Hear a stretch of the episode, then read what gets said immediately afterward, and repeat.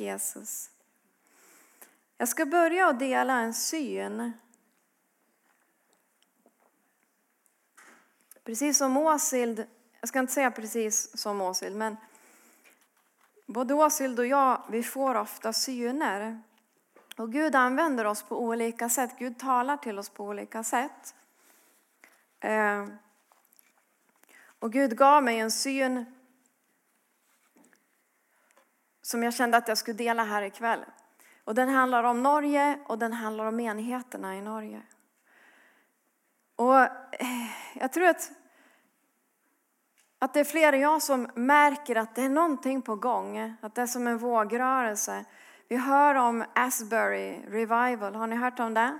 Som har pågått i, i Kentucky. Och jag har också hört att det där har spridit sig till flera campusar i USA bland ungdomar, att det sker någonting eh, bland ungdomarna. Och ni vet, problemet med när Gud gör någonting på en kontinent, det är att media skriver inte om det. Så man hör inte så mycket om det om man inte följer, liksom, fångar upp kanske på sociala medier och så. Men det är som en stilla vågrörelse från Gud som jag ser eh, över jorden som har börjat och som också eh, drabbar oss. Halleluja! Och vi, hade, vi har haft en tid i, i Moria i Grimsta där jag tillhör. Där vi på bibelskolan då, som Vida leder, det var en dag för några veckor sedan nu. Eh, de börjar ju alltid med bön och lovsång. Och plötsligt så, så eh, börjar, jag tror var hälften av, av klassen, börjar att bara gråta av Guds närvaro. Eh, vilket gjorde att man kunde inte fortsätta, man kunde inte gå in i undervisning den dagen. Utan man var bara i lovprisning och tillbedjan för att Gud kom på ett väldigt speciellt sätt.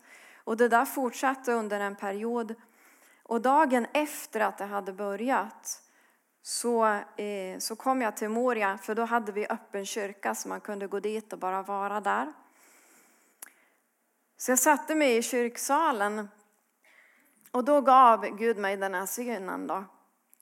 Jag såg som att himlen öppnade sig och det kom ner som vagnar och hästar, hästar och vagnar av ild. Och jag såg att de riddarna som stod på de här vagnarna, de hade som fackel av Guds ild som de började släppa ner över Norge. Och då lät Gud mig följa med i försäljliga facklor och se vad som skedde när fackel kom in i olika menigheter. Och det första jag såg, det var att jag såg att det kom en fackel som, som föll ner i en, i en ganska stor menighet. Men det fanns inget altare där. För ilden letade efter ett altare att falla på. Elden sökte efter ett offer att, att brinna i, men det fanns inget. Så fackeln föll på golvet. Och, och ilden, och det var ingen som lade märke till, till ilden. Och den brann snabbt ut. Och sen såg jag på en annan plats, eh, det var samma scenario. Och det föll eh, en fackel och det fanns inget altare i den menigheten heller. Så fackeln föll på golvet. Men då kom det en person och tog upp den. Så det var en person i menigheten som såg Guds ild och tog den. Så han höll den fackeln i handen. Men det som skedde efter det, det var att det kom en annan person och hällde vatten på den ilden och sa det där är inte från Gud. Så ilden slocknade. Jag såg ett annat scenario och det var som att det var en falsk ild som brann och där fanns det ett altare. Men, men altare, på altaret, mitt i en menighet, så stod det Jezebel. Så det var Jezebels altare mitt i en menighet. Och i den menigheten så var det stor förvirring. Och jag såg att någon annan i samma menighet försökte att bygga Guds altar. Men de andra sa, nej kom till det här altaret, kom till Jezebels altare. Och det var, det var väldigt stor förvirring som pågick där. Och Gud minde mig om Uppenbarelseboken 2.18 och menigheten i Tyatira där det står om att Gud hade emot dem att de tolererade Jezebels ond.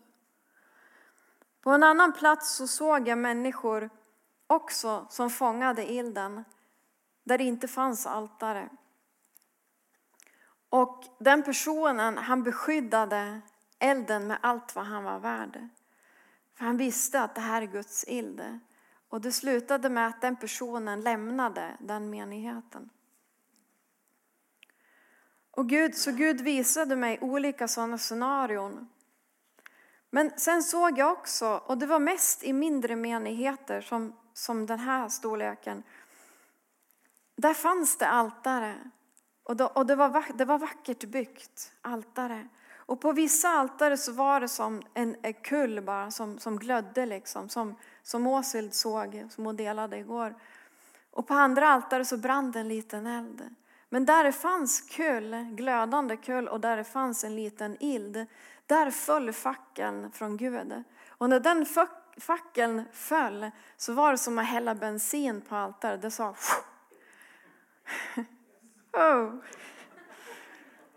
Och det började brinna med, med stor kraft.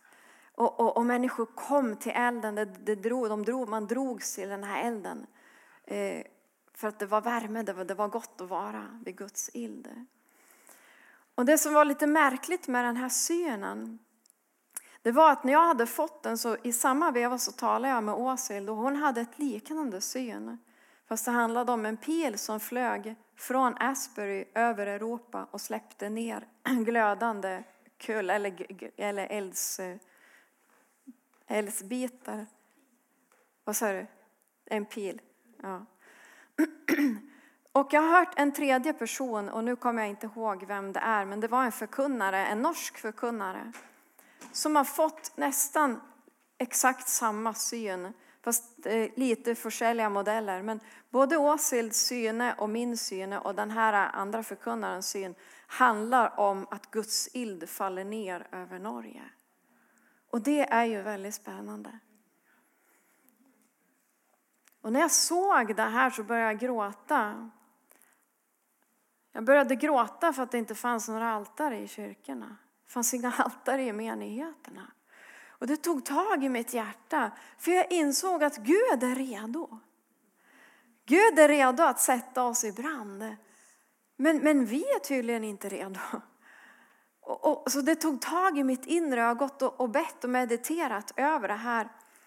Och jag har talat lite grann om det här nu i, jag tror det är tredje platsen här som jag delar det här nu. Jag tror att det är någonting som Gud vill förmedla.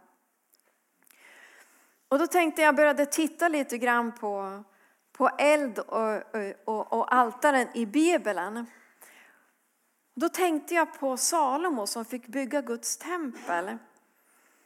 Eh, och jag tänkte vi ska läsa ett bibelord där från Andra krönikerna eh, kapitel 7 och från vers 1.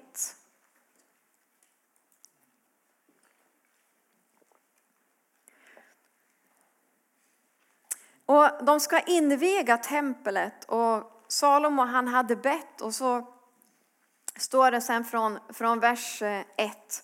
Då Salomo var färdig med att be for det ild ned från himmelen. Den förtärte brännoffret och slaktoffren och Herrens härlighet fyllde höset. Det som sker när Guds ild kommer, då kommer Guds härlighet. För man kan tänka sig, ja, men vad betyder ilden då? Den betyder säkert mycket olika saker. Men när, när, här kan vi se att när ilden kom så kom Guds härlighet. Och det längtar vi efter. Prästerna kunde icke gå in i Herrens hus, för Herrens hus var fyllt av Herrens härlighet. Då alla israeliterna såg ilden och Herrens härlighet komma ned över huset fallt de på knä på, på steinhällene med ansikte mot jorden och tillbad och lovet Herren för han är god, evig varer hans misskunn. Så varför kunde ilden falla? Den kunde falla för att det fanns ett altare där. Och det fanns ett offer på altaret. Och Salomo hade gjort allt som Gud bad honom om att göra. Salomo hade följt instruktionerna ifrån Gud.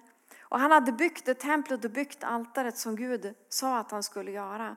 Så när elden föll, då, då, då var de redo att ta emot den. Jag tänkte också på Elia. Ni kommer ihåg Elia, den här vilda profeten som förklarar krig mot Baals profeterna. Och vi kan läsa om honom i första Kongebok kapitel 18 och vi ska läsa ifrån vers 36 och ner till vers 40. Första Kongebok 18 från vers 36. Då tiden för grödeoffret var kommet trådde profeten Elia fram och sa Herre, Abrahams, Isaks och Israels Gud, låt det idag bli känt att du är Gud i Israel och att jag är din tjänare och att det är på ditt ord jag har gjort allt detta. Svar mig, Herre, svar mig, så detta folket skönner att du, Herre, är Gud och att du har vänt deras hjärta till dig igen. Då får Herrens ild ned och förtärte både brännoffer och ved och stenar och jorden och slicket upp vattnet som var i gröften. Då folket såg det kastade sig ned med ansikt mot jorden och sa Herren, han är Gud. Herren, han är Gud. Elias sa till dem, grip Baalsprofeterna och låt icke en av dem slippa undan. Då grep de Baalsprofeterna och Elia förde dem ned till Kishonbäcken och dräpte dem där. Så även här fanns altaret på plats och offret fanns på plats. Och vi vet att Elia han levde i nära fällskap med Gud. Och han lydde Gud och han, han följde de instruktioner som Gud gav honom. Och det är en fantastisk berättelse det här, hur han bara kallar ner eld från himlen. Och här var ju faktiskt en fysisk eld. Och det kanske vi ska vara glada att vi inte, jag vet inte vidare om vi får kalla ner en fysisk eld här. Det kanske blir lite för, för kul. Men, men eh, ni förstår ju givetvis att det är metaforer vi talar om idag när vi talar om att Gud vill, vill eh, släppa ner sin ild här på jorden. Men jag har gått och funderat och bett eh, och frågat Gud hur bygger vi Guds altare i menigheterna och i våra personliga liv också? För jag tror att som menighet så har vi ett menighetsaltar. Och det var det som Herren visste mig, att det var en sån mangel på dem. Men vi bygger också våra egna altar. Du och jag, varenda en av oss som går med Gud, vi har våra personliga altar. Och de tror jag, de personliga altarna tror jag att vi bygger i vår bönevrå som Åshild var inne på igår kväll. När vi tar tid med Gud. Och jag tror i menigheten och också personligen så byggs altaret genom tillbedelse. Genom lovprisning, genom renhet och helgörelse. Genom lydnad till Gud och när vi vägrar att kompromissa. För att Guds eld är helig. Och han behöver ett heligt offer. Och då behöver vi också fundera, men vad är offret då? Vad är offret? Och det har vi svar på i Romarbrevet 12 och den första versen. Romarna 12 och 1. Därför förmanar jag er vid Guds barmhärtighet, sösken. Bär kroppen fram som ett levande och heligt offer till glädje för Gud. Det ska vara deras åndliga gudstjänste. Så vi, du och jag, vi bär fram oss själva som ett offer. Som, som ett liv som är överlåtet till Gud. Ett heligt offer och ett rent offer. Och jag tänkte mycket på det som, som Åshild var inne på igår. Att det är så viktigt att vi lever i renhet. Att vi lever i omvändelse. Att vi inte låter synd komma in. Och man kan tänka sig, varför, varför pratar ni så mycket om synd? Fy vad tråkigt, säger, säger vi på svenska. Så kedlig, varför måste man hålla på och prata om synd? Jag är evangelist. Och jag är kallad att tala sanningen. Varför pratar vi om synd? För att synden är det som separerar oss från Gud. Och därför så tränger vi att, att tala om synd.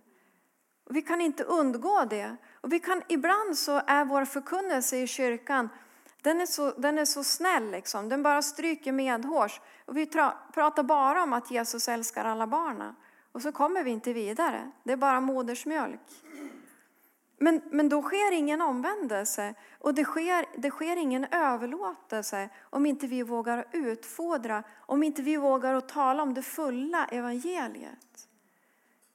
Det fulla evangeliet det är att syndens lön är döden. Och det är allvarligt. Men då måste vi också självklart påminna oss om att vi lever under nåden. Och så fort du ber om tillgivelse så är du tillgiven. Så fort jag böjer mig för Gud och säger tillge mig, jag har misslyckats. Då, då kommer Herren och så står det att han låter din synd vara så långt som väst är från öst. Så långt som, som eh, vad ska vi ta, Kina, Japan är från eh, Kalifornien. Eller så långt är din synd ifrån dig att Gud kommer inte ens ihåg den. Så det finns så mycket nåd, det finns så mycket upprättelse. Men om du inte vänder om så kan du inte få upprättelse. För då lever du kvar i bundenhet. Så Herren vill göra oss fria. Och Herren vill att du och jag, vi ska få lägga ner våra liv som ett heligt offer. Så vi kan också lägga ner, om du har byggt ditt altare av tillbedelse, du bygger ditt altare av, av, av eh, lovprisning och tillbedelse. Men när offret ska läggas där och jag inte har vänt om så kan inte jag lägga mig på det altaret. Och vi vet att det är också en bild på det som skedde på gamla testamentets tid när man offrade djur så skulle man ha felfria djur. Och det är en bild på Jesus. Han var det felfria offret. Det var därför han offrades, för att betala priset för din och min synd. Men jag kan inte lägga ner mitt liv. Och det här, det är lätt att stå och sjunga i kyrkan, jag ger dig allt. Oh, hur många gånger har inte jag gjort det? Jag ger dig allt Jesus. Och så kommer Gud och säger, Marita jag vill att du ska åka till Sibirien. Och då, nu, jag hör väldigt dåligt. Det kan inte ha varit Gud. Det måste ha varit någon annan röst, för jag vill inte till Sibirien. Nej men Marita, du sa i kyrkan att du gav mig allt. Menar du inte det? Vi vill gärna ge Gud allt. Och vet du att när vi vänder om, när vi lever i omvändelse, när vi lever i renhet, då är det så mycket lättare att gå med Gud. Och då kan vi lägga oss på det altaret. Och då kan, då kan Gud komma med sin ild. För att då offret är välbehagligt. Och det står att våra liv att det, att det ska vara som en välbehaglig doft som stiger upp till Herren. Och det var det som offret var också på den gamla testamentliga tiden. Att det var ett en välbehagligt offer som steg upp till Herren. Är ni med?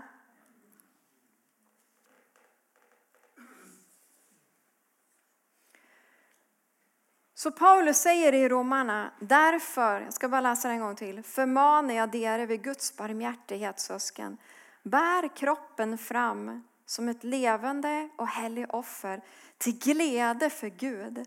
Vet att du är till glädje för Gud. När du lägger ner ditt liv, då är du till glädje för Gud. Och det ska vara deras åndliga gudstjänster. Så tänkte jag på det här med ild. På gamla testamentets tid så kan vi se att elden den föll oftast på altare. Att det på något sätt fanns en kontrollerad eld. Att de byggde ett altare, där var offret och där kom elden. Men sen så när vi tittar på hur det ser ut på nya testamentliga tiden så sker ju någonting helt annat. Ni kommer ihåg pinsedagen? När anden faller. Och innan jag ska läsa det så tänkte jag på Joel 3. Och från första versen. Där det står att en gång ska det ske att jag öser ut min ond över alla människor. Deras söner och döttrar ska profetera, de gamla ska drömma drömmar och de unga ska se syner. Vi vet ju att ilden är den heliga onds ild. Och här står det, och på svenskan så står det att det ska ske i den sista tiden. Och jag tror ju att vi mer än någonsin lever i den sista tiden. Vilket betyder att då ska det utgjutas över allt kött, över alla människor. Det är du och jag det. Och det är det som sker på pinsedagen. Ska vi läsa det också? Det är väl gott att läsa lite Bibeln. Jag är inte här för att tala om vad jag tycker i första hand, utan vi är här för att se vad Gud säger i sitt ord. Så vi läser, eh, vi läser om när onden föll. Jag tycker att det är en sån fantastisk eh, berättelse. Apostlarnas gärningar kapitel 2 och från vers 1 ner till vers 13. Då pinsedagen kom var alla samlet på ett sted. Plötsligt löd det från himmelen som när en kraftig vind blåser och lyden fyllde hela huset där de satt. Tungor som av ild viste sig för dem, delte sig och satte sig på var enkelt av dem. Då blev det alla fyllt av den helige ond och de begynte att tala på andra språk eftersom onden gav dem att förkynna. I Jerusalem bodde det fromme göder från alla folkeslag under himmelen. En stor folkemängd stimlet samman då de hörde denna lyden och det blev stor förvirring. För var enkelt hörde sitt eget morsmål bli talt. Förskräckte och förundrade spurte de, är icke dessa galileer, dessa som talar? Hvordan kan det var enkelt av oss höra sitt eget morsmål? Vi är parterer och mederer och elamiter, folk som bor i Mesopotamien, Judea och Kappadokia, i Pontus och Asia, Frygia och Pamfylia, i Egypten och Libyaområdet mot Kyrene och inflyttade från Roma. Det var väldigt många folkeslag där. Gödar och proselyter, kreterare och araber. Och vi hörde dem tala om Guds storverk på våra egna tungemål. De visste icke vad de skulle tro och förvirret spurte de varann. Vad är detta för Noe? Men Noa gjorde narr av dem och sa, de har druckit sig fulla på sött vin. Kan du se det här framför dig? Det är väldigt speciellt. Du har läst säkert den här berättelsen många gånger. Men, men det är ganska fantastiskt det som händer. Tänk er det scenariot här inne. Här faller Guds ild och så börjar ni tala olika, olika språk, flytande börjar predika, någon börjar predika på finska, någon på arabiska, du på russiska, tyska, germanska. Kan ni, kan ni se det här framför er? Det, är ju rent, det, blir liksom, det vart ju bara galskap. Och så om de är full av anden, de är så fyllda av anden som de till och med sa, de är fulla. De är berusade. Kan du tänka dig det då? Alla vi, vi raglar runt här och så pratar vi olika språk. Kan ni se det framför er? Nej, vi, vi, vi kanske inte ska tänka oss in i det ens. Det är ganska galet.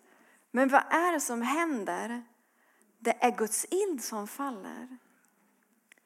Och det vi ser på den nytestamentliga tiden, det är att det är en annan typ av ild på ett sätt.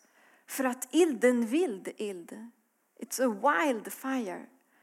Den är inte så kontrollerad längre så att vi liksom kan bygga ett fint altare och så vet vi att här har vi ilden, då har vi kontroll på den. Utan ilden faller över människor. Och, och den ena blir mer gal än den andra. Men samtidigt som de ser, de ser galna ut så är det ju något fantastiskt, något otroligt vackert som händer. Att Gud utnjuter av sin heliga ande. Det är löftet som han har givit. Att hjälparen ska komma. När Jesus sa, jag går upp till Fadern, men hjälparen ska komma. Det är det som sker. Men vi ska stanna lite grann vid ilden här. För att ilden den föll över alla.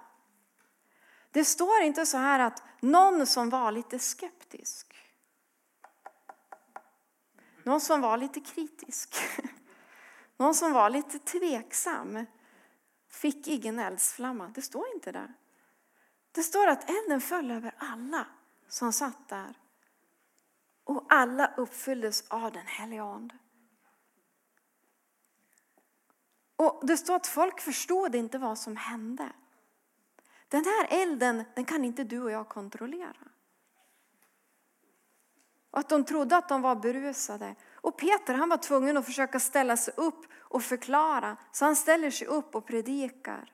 Och vi vet att 3000 män blev frälsta den dagen. Han ställer sig upp och försöker förklara. Nej, de är inte berusade. Jag vet att de ser galna ut, men det är inte så. Så försöker han att förklara vad som händer.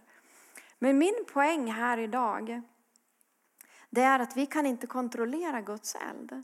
Och fundera, för en del av oss är det väldigt jobbigt. För att vi vill kontrollera hur Gud kommer. Och det här var Åshild inne på också. Vi vill gärna bestämma hur den här församlingen ska få möta Gud. Om jag är med i min församling så vill jag ha lite koll vidare. Jag vill inte att folk ligger här och där. jag raljerar. Men, men man, vi kan känna så här, beroende på hur vi är som personer. Och det här kan ha att göra med min personlighet. Jag ska inte, jag ska inte göra narr av dig om du känner så här. Att det känns en liten, som en liten rädsla när man kanske upplever att oj, nu håller Gud på att göra någonting nytt här. Oj, nu har, nu har de släppt in två vilda damer här från en profet här från Grimsta och någon galen svenska. Och vet vi vad som händer efter att de har lämnat det här huset? Ja, vi åker ju vi, så ni får klara er själva. Men ibland så vill vi ha kontroll på det Gud gör. Och vi vill, vi vill kontrollera vad som ska ske.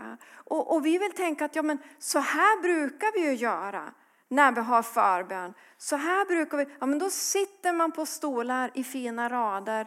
Eller så här brukar vi göra när man har lovsång. Inte liksom, gå inte utanför boxarna. Och det som sker då, det är att vi stoppar elden i en box.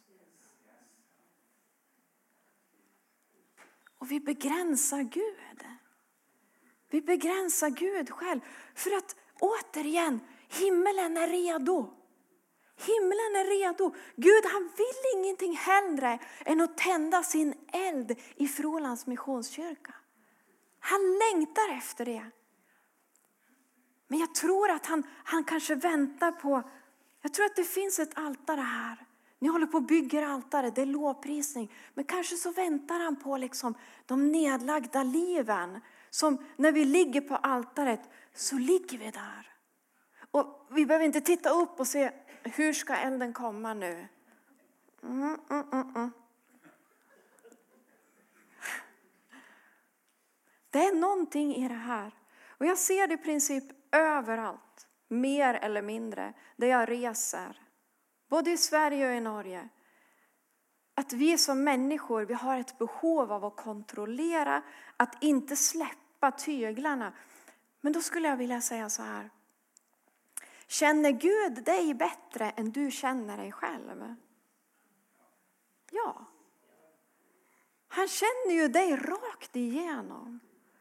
Skulle han utsätta dig för någonting som skulle sluta liksom i, i, i elände? När han kommer för att beröra dig med sin eld som är hans härlighet, sin eld som är hans gränslösa kärlighet. Sin eld som kommer med, med helbredelse, med upprättelse. Skulle det på något sätt skada dig? Nej. Så då kanske det är dags att släppa kontrollen. Ja. Låta honom få komma som han vill. Och då tänkte jag på ett bibelord. Och det är från första konge 19 och 11.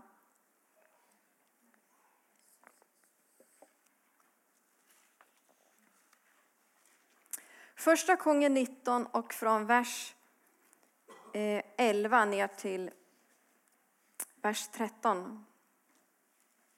Och det här handlar om Elia. Vi läste om hur elden föll. Men det som sker efter det här är att Elia blir väldigt modfälld. Och det, står att han, han, eh, det står att Jezebel kommer emot honom och, och truar honom och säger att jag ska dräpa dig. Och han springer ut i öknen och han beklagar sig över Gud. Och han säger att nu är det nog med mig, nu vill jag dö. Men Gud har ju fortsatt uppdrag för Elia. Så Gud kommer och möter Elia som han så ofta gör med oss när vi känner oss så uppgädda.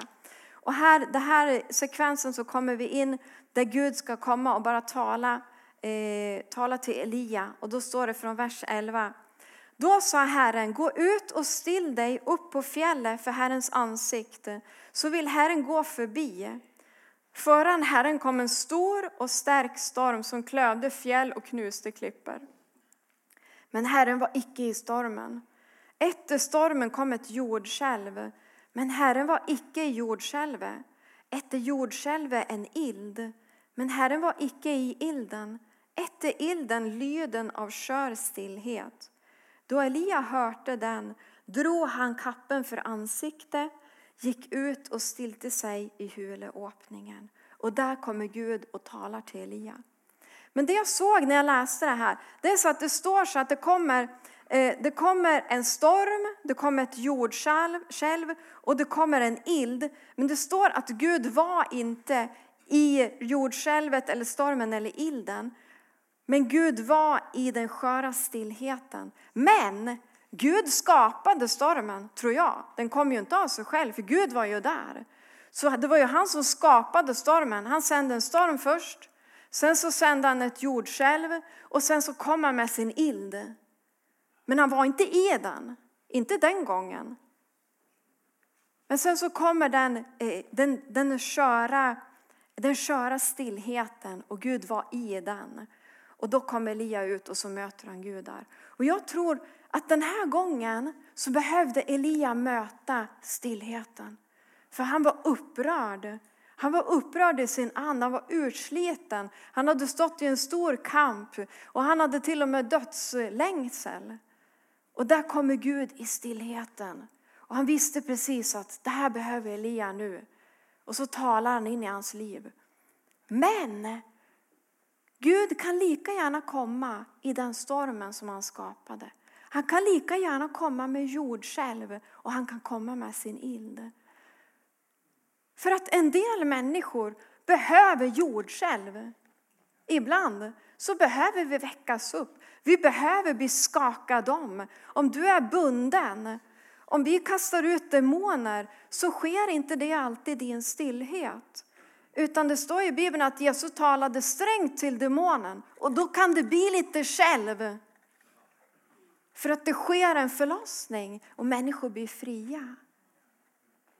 Ibland så tränger du ilden, den där ilden som förvandlar dig. Den där ilden som renar dig, som bränner bort de där grenarna i ditt liv som ändå inte bär frukt. Amen. Ibland behöver du en storm. Ibland behöver Gud komma med en stormvind och blåsa omkull dig. Och du ligger på golvet och tänkte, vad var det som hände? För Gud vill att du ska få känna på hans kraft. För han är en mäktig Gud. Och jag vet inte vad du tränger. Du kanske tränger idag stillhet. Eller du kanske tränger att bli lite skakad om. Eller du kanske tränger ilden. Jag vet inte vad du har för behov. Men han som har skapat dig, han känner dig. Och han vet hur han ska möta dig.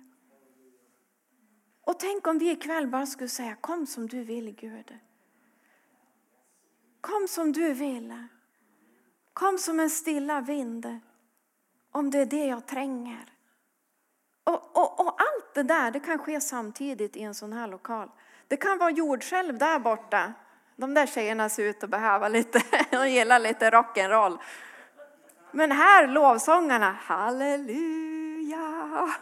Här är det stillhet, här är det ljuvlighet. Jag bara ger ett exempel, det förstår ni. Är det okej okay om man skojar lite? Jag tycker man ska ha kul i kyrkan. så inte det blir så allvarligt. Men budskapet är allvarligt. Budskapet är allvarligt. Tänk om vi ikväll bara skulle säga Gud, kom som du vill. Gud, jag fäller ner mitt paraply. Jag bara lägger ner det. Kom som du vill. Du som känner mig rakt igenom. Du som har skapat mig. Du som vet vad jag tränger ikväll. Kom som du vill. Ja. Jag tror vi alldeles strax ska vi gå in i bön. Och, eh, men jag bara känner lite grann det här med, med att lägga sig ner på altaret också. Att jag skulle bara vilja stanna upp lite inför det också. Att lägga ner sitt liv. Att ge, att ge honom allt. Eh, eh, the good with the bad. Alltså alla delar. Och, och Herren han, han kräver inte att vi ska komma perfekta. Utan det är han som förvandlar oss. Vi får komma som vi är. Du får komma till honom med alla dina dåliga sidor.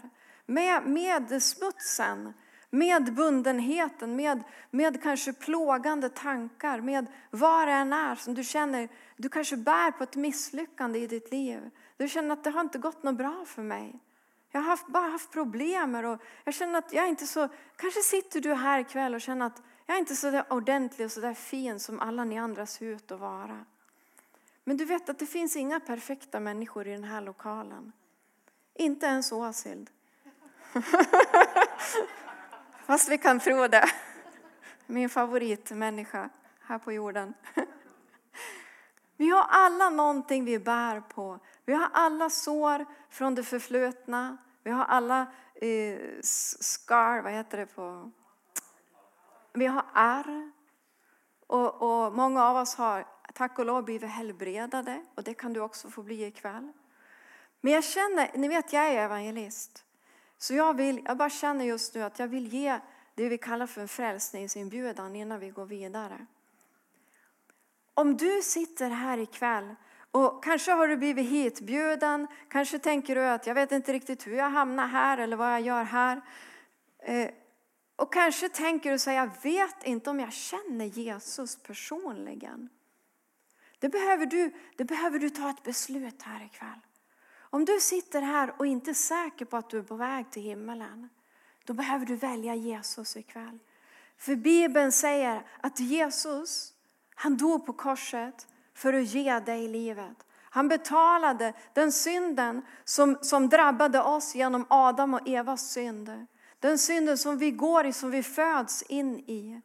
Den synden som skiljer oss från Gud, den har Jesus betalat priset för när han dog på korset. Och det finns en sak som du och jag tränger att göra. Det är att ta ett valg.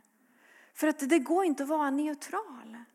För du vet att det är som att det går ett gärde mellan himlens rike och mellan, djävulens rike, mellan Guds rike och mellan djävulens rike. Om vi sitter på gärdet, om vi förblir neutrala, vi vill inte välja. Problemet min vän, det är att det gäret det tillhör Satan. Visste du det? Så om vi sätter oss på gäret och säger att jag, jag vill inte välja. Det funkar inte. Ikväll så bjuder Jesus in dig. Han bjuder in dig och säger kom till mig.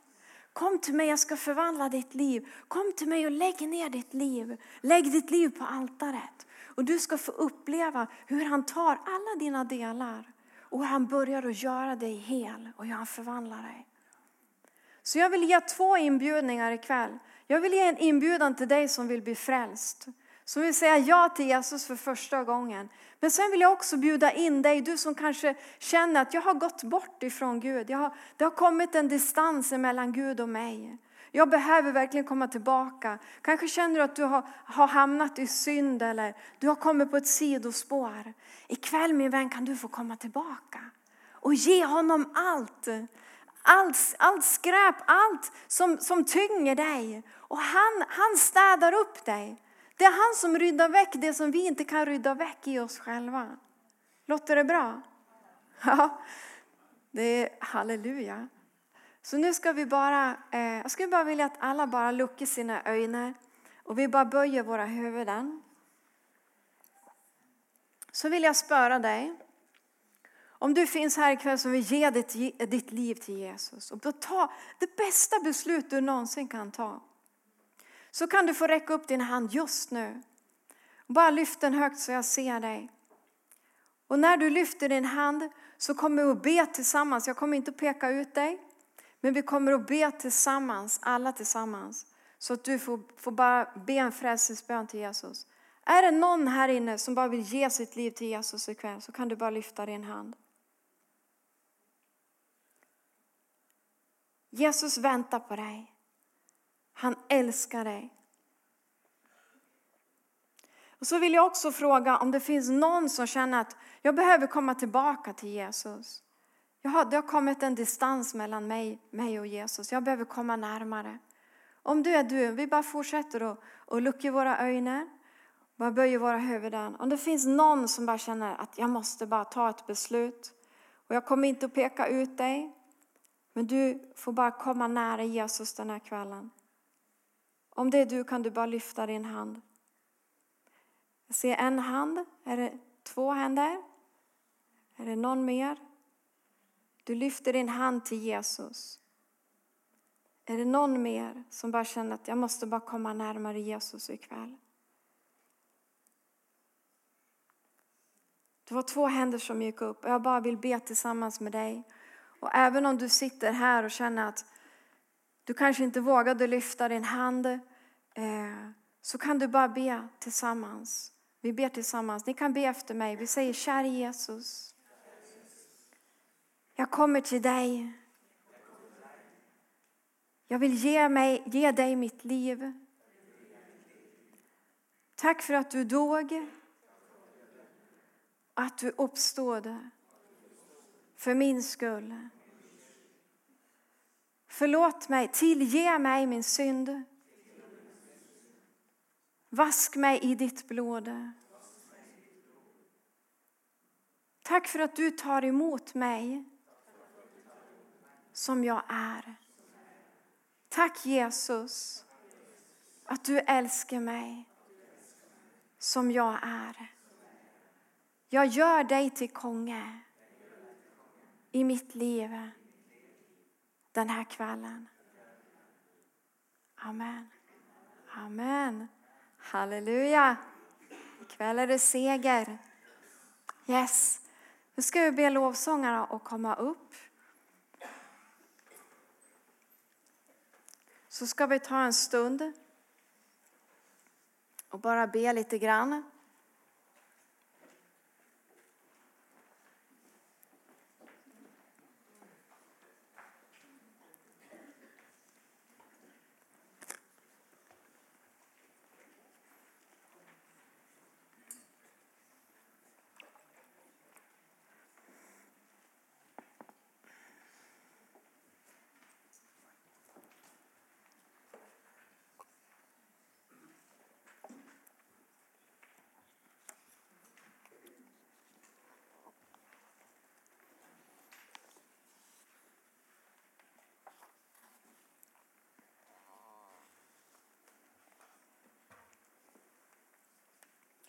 Skulle du bara kunna bara börja spela lite piano? Jag känner att vi ska eh, bara känna in vad, vad den helige Ande vill göra just nu. Tack Jesus.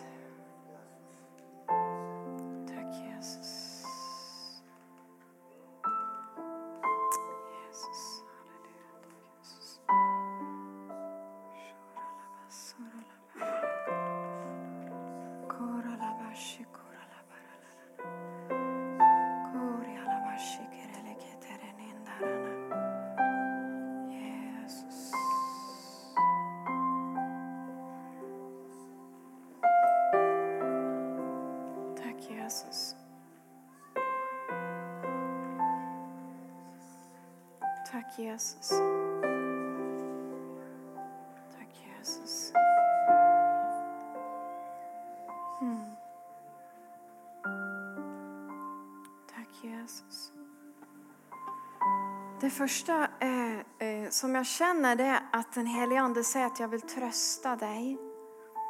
Jag vet inte om det finns någon här som, om du bär på sorg, Om du känner sorg. Jag känner att, att Herren vill bara lyfta av dig den sorgen ikväll. Om du följer att det är som en tyngd över dig, över ditt, ditt, eh, ditt, ditt huvud. Se ser som att det är som en tyngd över ditt, ditt huvud. Som ett, det är som en, en pläd som hänger över dig och det står sorg på den. Och Jesus han vill lyfta av den pläden, den tyngden över dig ikväll. Och jag vet inte vad den sorgen beror på och jag vet inte hur länge du har haft den. Men jag vet att, att Jesus Kristus, han kan sätta dig fri ifrån den sorgen. Han kan läka, han kan komma med tröst. Han kan komma med tröst. Och ibland så tänker vi så här, om vi kanske har mistat någon person i våra liv eller en relation som har brustit eller någonting, så tänker vi så här, det är naturligt att sörja. Och det är det, det är naturligt att sörja. Men sorg kan bli någonting, någonting, någonting eh, sjukligt. Att man blir liksom aldrig fri det. finns en typ av sorg som är hälsosam, där du bearbetar och du sörjer och du gråter ut. Och det, det är en sund sorg. Men sen finns det en sorg som liksom inte går över. Du blir inte väckt, du blir inte väckt än. Och, och det är den typen av sorg som jag ser som är över någon ikväll. Där Herren ska sätta dig fri från den sorgen. Det är som en tyngde eh, som, som ligger tungt över dig.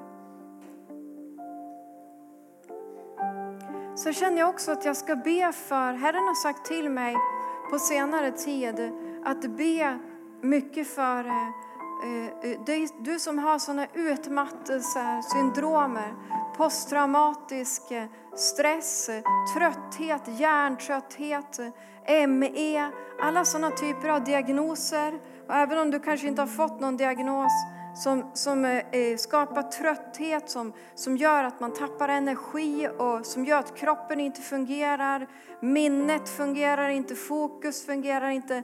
Alla de här äh, typer av syndrom. Herren ska komma med en våg av helbredelse till den typen av sjukdomar i menigheterna. Jag har fått det profetiskt, jag bara talar ut det. Det är första gången jag talar ut det idag. Det Herren säger att jag ska helbreda äh, för att, för att Gud kan sätta dig fri. När legen säger nu kan inte vi göra mer för dig, då säger Jesus jag kan sätta dig fri. Jag kan hela dig. För jag dog på korset för att du skulle vara frisk. Och vi ska få se en våg av helbredelse på det här området. Och för att grejen är den att de här diagnoserna och syndromerna, de bara ökar. Det bara ökar, det bara ökar. Eh, och jag känner att det här är bara en sån attack, attack från djävulen. Eh, och jag ser särskilt kristna som drabbas av det. Och, och jag är så trött och lej på det. Jag är så less på att djävulen ska bara komma in och bara förstöra eh, hans, vår, Guds barn. Och du ska inte ha det här längre. Så vi ska be, om du känner så, så ska vi be för dig ikväll. Jag ska, allt det här som jag räknar upp, du ska få komma fram alldeles strax. Men det, är några grejer jag ska nämna bara. Eh, och jag vill också berätta att jag har fått ett, ett vittnesbörd om eh, en dam som blev helbredad från ME. Hon hade varit sjuk i 20 år. 20 år. Hon fick förbön en gång, boom, så vände det. Och hon blev successivt bara bättre och bättre och bättre. Och hon har kommit ut i arbete och, och Gud har förvandlat hennes liv. Så ibland så tror vi att det är lättare att be för liksom en fysisk eh, sjukdom som vi, jag menar ont i magen eller, men det, det, är, inget, det är ingen skillnad för Gud. Jesus är inte, han är inte bekymrad över diagnoser, över svåra diagnoser. Han dog för alla diagnoser. Så du ska få uppleva helbredelse här ikväll.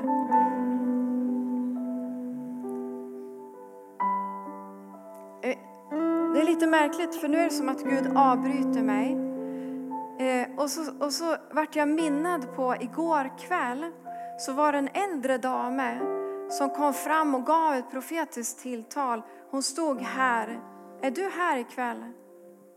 Är den damen här ikväll? Det var du. Eh, jag vill bara säga till dig.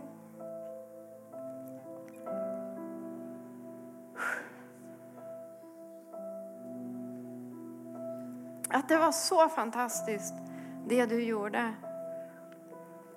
Och det, det du förmedlade, det var, en, en, det var direkt ifrån Guds hjärta. Det var en klar ton ifrån Guds hjärta. Och när du stod där så upplevde jag att Herren sa att du är som en profetissa. Och du ska bara fortsätta vara frimodig i det som Gud ger dig.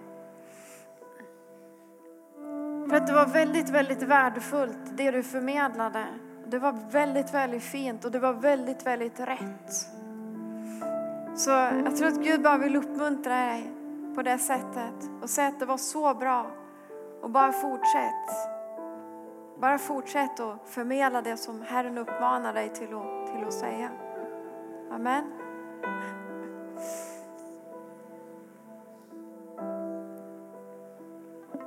Tack Jesus. Tack Jesus. Depression och angst och psykisk plage ska släppa ikväll. Du ska bli fri ikväll för att Jesus är här och han ska förvandla ditt liv. Du som lider av depression, du som lider av mareritt, du som lider av angst, av, av uh, oro.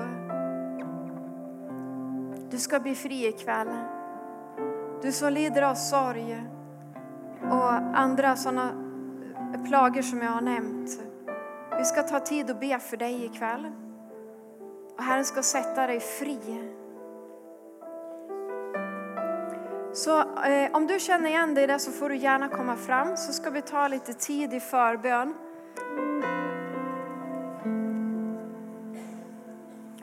Och eh, du får givetvis komma fram om du har andra behov också. Om du behöver annan typ av helbredelse. Herren finns här för, för alla behov. Så jag tror vi ska ta en... Eh, Åshild ska få säga någonting också innan vi går in i förbön.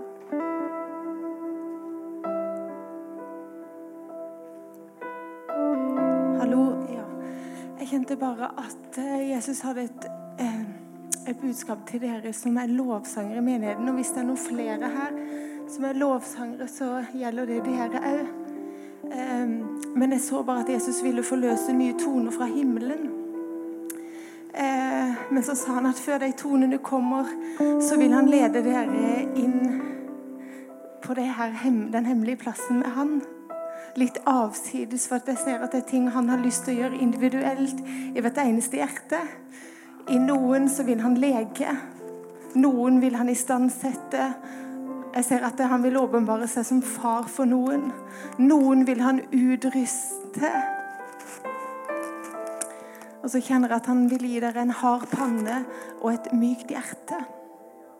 Han har utrusta dere, han har gitt dere et mandat. Han har kalt dere til å dra himmelen ned. Dere går foran i krigen. Det var det I Gamle testamentet, når de skulle krige, så sendte de lovsangerne foran. Det er det kallet som ligger på dere.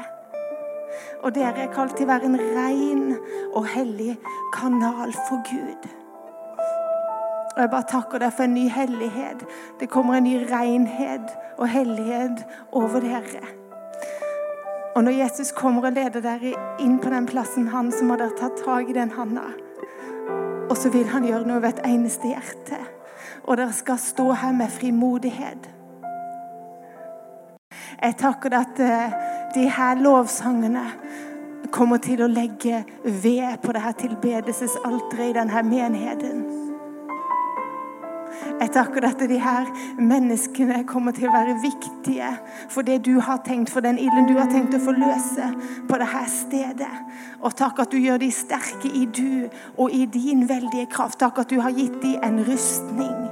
Og den skal dere bruke, sier Herren, for det er kamp og på denne plassen. Og mange av dere har kjent at det stormer. Mange av dere har kjent at før dere går opp her, at dere har ikke lyst å stå her. Men det er fordi dere er farlige. Så jag bara tackar dig för en ny sång. Tack för en glädjens sång. Tack för en ny vind över dig. Tack för rena toner.